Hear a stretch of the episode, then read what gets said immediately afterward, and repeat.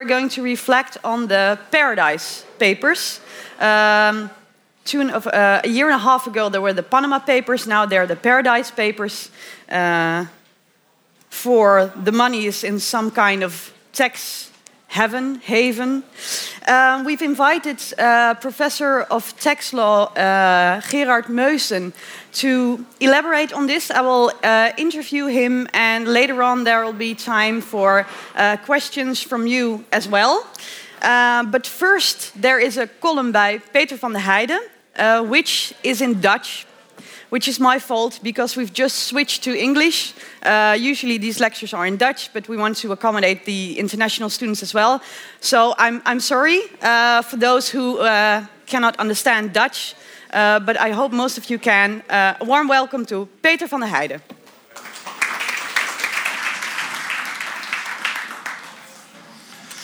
Well, I was really, uh, really glad I didn't hear it. It was in English because my Dutch columns are, I hope, better. But that's for you to decide.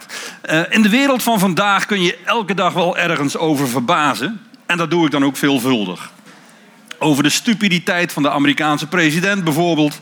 Of over het feit dat de man nog steeds electorale steun lijkt te hebben. morgen, precies een jaar na zijn verkiezing. Of dat er, nou weer een bloedbad in de Verenigde Staten. nog steeds niet over het Tweede Amendement gesproken mag worden of wat dichter bij huis, over het feit dat er twee weken geleden in Nijmegen een vechtpartij uitbrak tussen de voor- en tegenstanders van, jawel, Zwarte Piet. Een fantasiefiguur en een kinderfeestje, God betert. Er gebeurt dagelijks wel iets verbazingwekkends.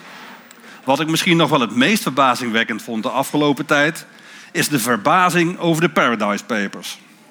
Want die Paradise Papers zelf zijn zo'n beetje het minst verbazingwekkende nieuws van de laatste tijd. Want had er ook maar iemand verwacht dat na de Panama Papers wereldwijd alle Scrooges hun leven zouden beteren in afwachting van een iets leukere kerst dan hun eerdere levenswandel hen zou opleveren. Kom nou. Wat een hemeltergende naïviteit zou het zijn geweest om dat te denken. Om een flink kapitaal te verzamelen, ik heb het nu even niet over het erven van oud geld, heb je nu eenmaal een bepaalde mate van hebzucht nodig en die hebzucht vervalt niet du moment dat dat kapitaal eenmaal verzameld is. Nee, het hebben van geld wakkert doorgaans de zucht naar het hebben van nog meer geld aan. En dat hadden ze vandaag 100 jaar geleden aardig door met de Russische revolutie. En dan mogen we ook nog blij zijn dat er in het geval van de Paradise Papers enkel van belastingontduiking sprake is. De belasting is nog niet eens geflest, maar omzeild. Het is ontwijking en geen ontduiking. En daar kunnen we heel moralistisch over doen. Maar doet niet iedereen dat in meerdere of mindere mate? Als hij of zij die gelegenheid heeft. Laat ik het maar bekennen. Hashtag MeToo. Ik hoop dat er niet al te stevig naar de Corduwenerstraat papers gezocht gaat worden. Want het zou zomaar eens kunnen zijn dat uw innig geliefde columnist ook wel eens een paar fiscale eurie weggemoffeld heeft. I have. Nu hoor ik u denken, tenminste dat hoop ik, dat is wel zo prettig voor mijn betoog. Wat maakt die paar euro nou uit? Niks natuurlijk. Maar het gaat mij om het principe. En een paar van de heide euro's is waarschijnlijk wel zo'n beetje in verhouding tot het door Queen Elizabeth weggesluisde bedrag van 10 miljoen pond. 10 miljoen. Schande, zou je denken. Tot je weet dat Lizzie hele gaar geen belasting hoeft te betalen en ze geen belasting kan ontduiken. Toch staat zij prominent in deze Paradise Papers. Samen bijvoorbeeld niet alleen met MeToo, maar ook met U2 en Justin Trudeau. Wiens enige misdrijf is dat een bekende van deze Canadese Jesse Klaver wat onzuiver met zijn geld omgegaan lijkt te zijn. Guilty by association dus. En Klaver trouwens ook, nu ik hem hier prominent noem. Dat zal hem leren om geen regeringsverantwoordelijkheid te nemen. Maar schuldig in wat? Belastingontwijking is namelijk helemaal niet strafbaar. Much ado about nothing dus. Gewoon doorlopen mensen, niks te zien. Die Paradise Papers doen mij, zolang er geen criminele activiteiten uit naar voren komen, vooral denken aan de natuurlijk niet toevallig binnenkort terugkerende Fabeltjeskrant. Tuut, tuut, tuut, maar meer ook niet. Zolang zelfs belastingontduiking volkssport nummer 1 blijft en ons eigen kabinet het niet onmogelijk maakt dat Nederland fungeert als belastingparadijs voor bijvoorbeeld de armoedzaaiers van de Rolling Stones, vrees ik dat onze morele verontwaardiging over wat, over wat eigenlijk niet meer is dan de schaalgrootte van het gegraai, wat potsierlijk en vooral afgunstig afdoet. En afgunst is, zoals u hoort te weten, net als hebzucht, een van de zeven hoofdzonden. Dank u wel.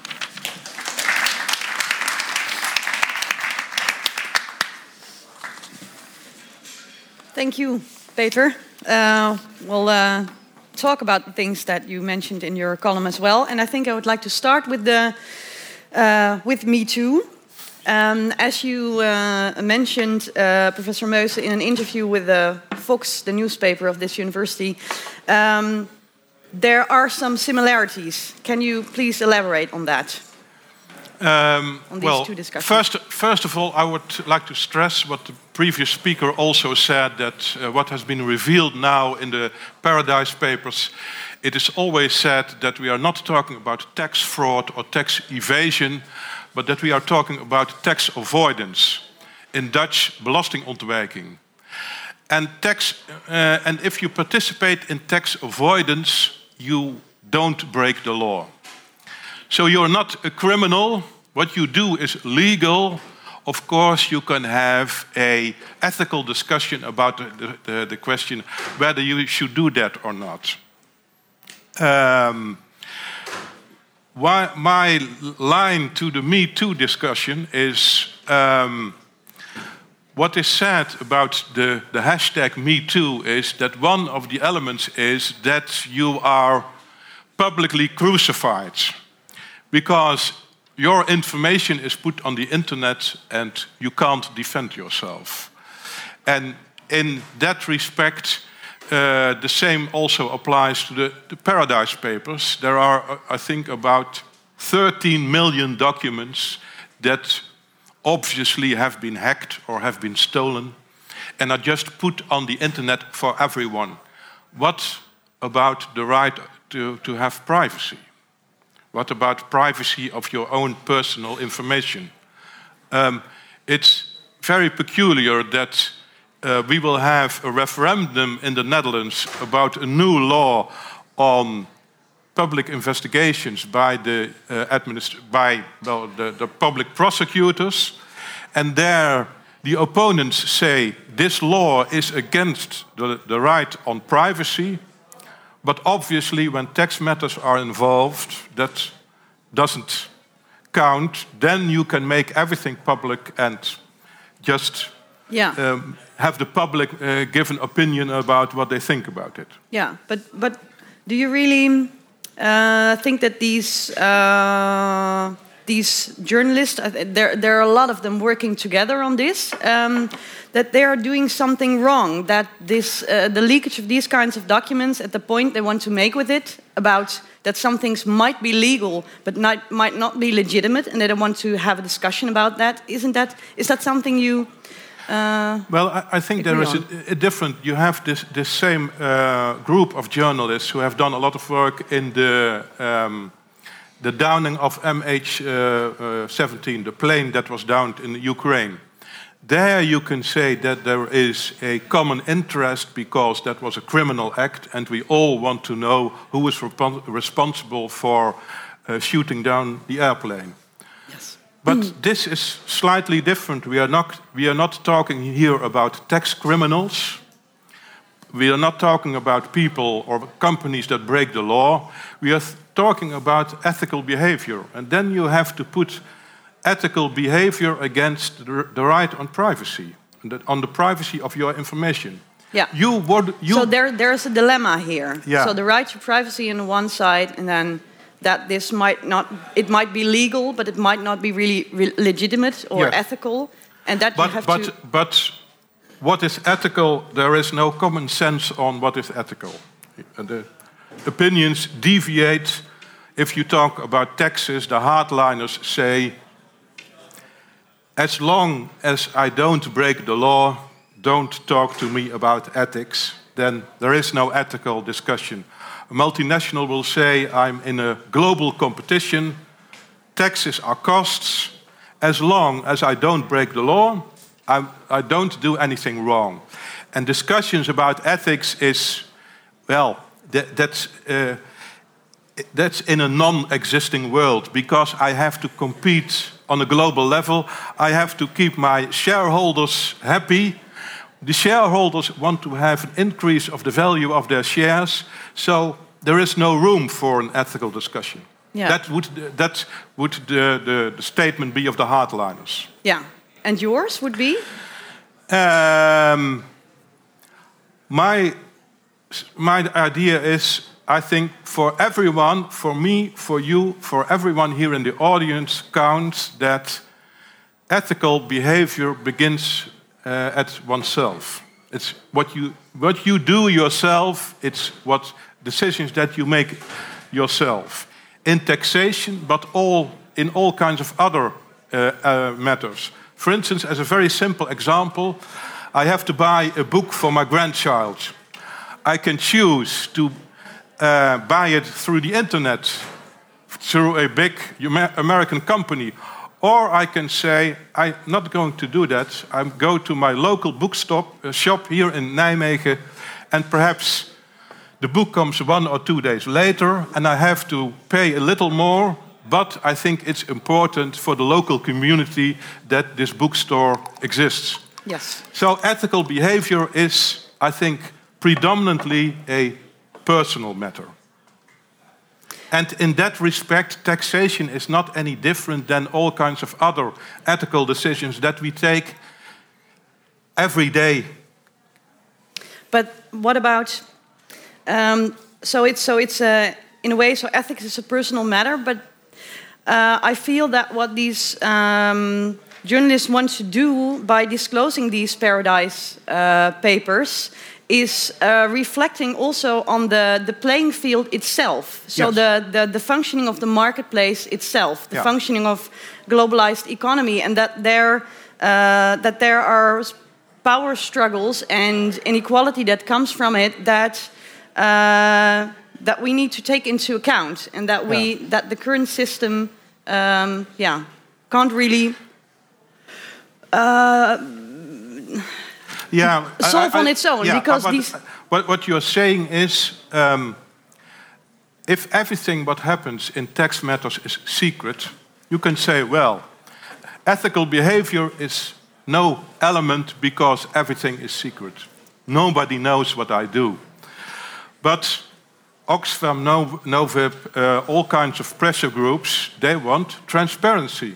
Because they say if tax matters are transparent, you have to publicly explain what you are doing. Yeah.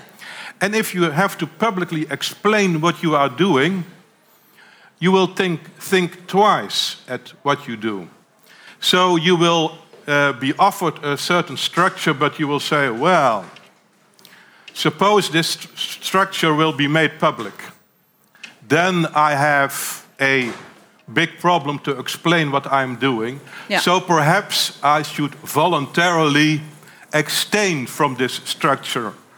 Perhaps not because I want to, because, but because I fear a kind of uh, public arousal when it's made public. Yeah. So then it seems that this naming and shaming uh, has to uh, seems to have a, a certain function. So bad publicity is in a way yeah. Uh, important to raise certain ethical standards or reflection yeah. on this. But also there you see there are advocates and uh, people who disagree with public naming and shaming. Yeah, yeah. Um, in this uh, Vox article, you also mentioned that we shouldn't expect these CEOs and maybe also these celebrities uh, like Bono to be uh, holier than the Pope in a way. Yeah. So well, well, it's it's very simple. Let's let's say I, I would have assets of 10 million, which I haven't, but let's say I, I, I would have. If you have wealth like that, all kinds of people will come to you and say, Well, we have an intelligence tax structure like this or like that, and you can invest there and there. The tax uh, rate is, uh, is very low. You get all kinds of opportunities. Yeah you have to be very firm to say, well, I'm not going to do that. Should Bono have been? Well, I think Bono is perhaps a um, more difficult example because Bono, in all kinds of matters, always publicly explains to the world how one should behave. Yeah. How we should uh, work with the environment, how we should pay our coffee farmers in Brazil. Um, and then, of course, it's a bit peculiar that you invest your money in tax havens. Yeah. So perhaps you could say for someone like Bono, a higher ethical standard applies than for me or you. Because he so explicitly opens up his personal life on an ethical standard, well, then you can predict that you will be punished harder when something uh, is in uh, public yeah. about what you're doing. Yeah. And that feels just to you that that is happening right now. I, am wondering. There, so there are several um, people and companies mentioned. There was the the, the Queen, uh, yeah. Queen Elizabeth, who, as it turns out, doesn't need to pay taxes yeah. anyway. So why is she in there? Yeah. There's guilt by association. Trudeau. So. Um, but but, the, but the, the, the reality uh, at least in the public, is that for certain people there are higher moral standards than for ordinary people. And there should be. Well, I don't think so. But we expect that these people should be morally on a higher standard. There was one famous example, I think two or three years ago, that the, the former queen in Belgium had a kind of tax scheme. Yeah. That many Belgians had. Nobody ever, ever uh, said anything about that. But then her scheme became public, and then suddenly it was said, well, how can she do that and this and that? While at the same time, thousands of wealthy Belgians had the same tax structure. So obviously, from her, as a, as a member of the royal family, we expect a higher standard yeah. and a kind of example. You have, at that level, you have to uh, uh, set an example. And of course, the idea is if you set an example and say, I'm not going to do that, then I will be more uh, inclined to follow you. Yeah. yeah and earlier on, you, you mentioned um, transparency. Um, in the Volkskrant today, the journalist Koen Haegens mentioned that there, that since I think the Panama Papers, the disclosure, that there has been more transparency yeah. going on. He mentions that Europe is lobbying for companies to disclose profits in each member state, yeah. and also uh, they want a public uh, uh, register for final beneficiaries, so you can't hide be uh, behind.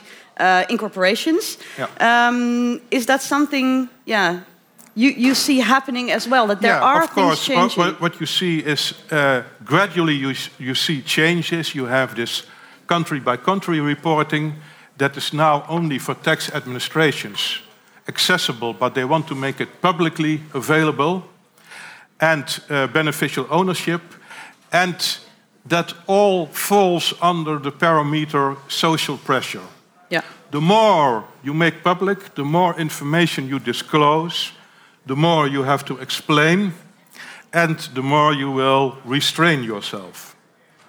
And of course, the, there is an, another important element. I mean, um, image branding, uh, corporate responsible, uh, uh, uh, being a corporate responsible company. A lot of companies and individuals are working on their image brand. They want to give you an impression who you are. Yeah. And that, that you are a good, good, a person people. and a good company, and yeah. that you are that you are engaged in, in the environment, and you want the uh, the best for the world.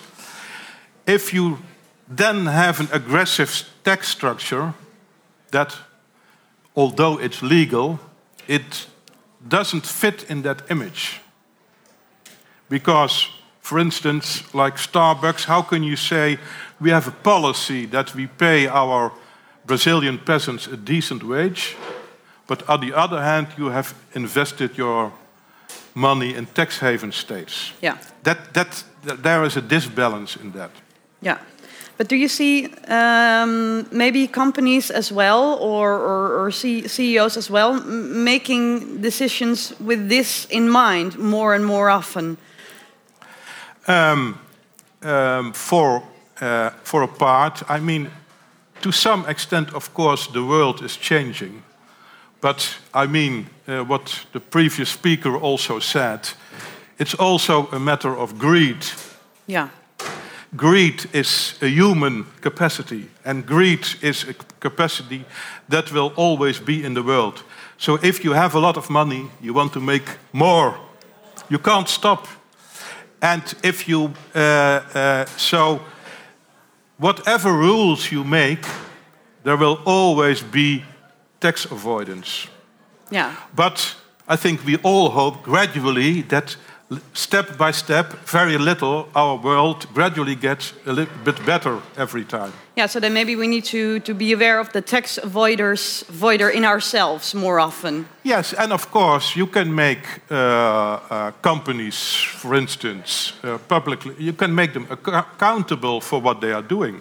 So you can say, well, explain. And what about the Dutch government with the dividend tax yeah, well, th well, that, that's a, that's another issue. I mean, um, as long as the world is divided in individual countries, countries compete with each, with each other.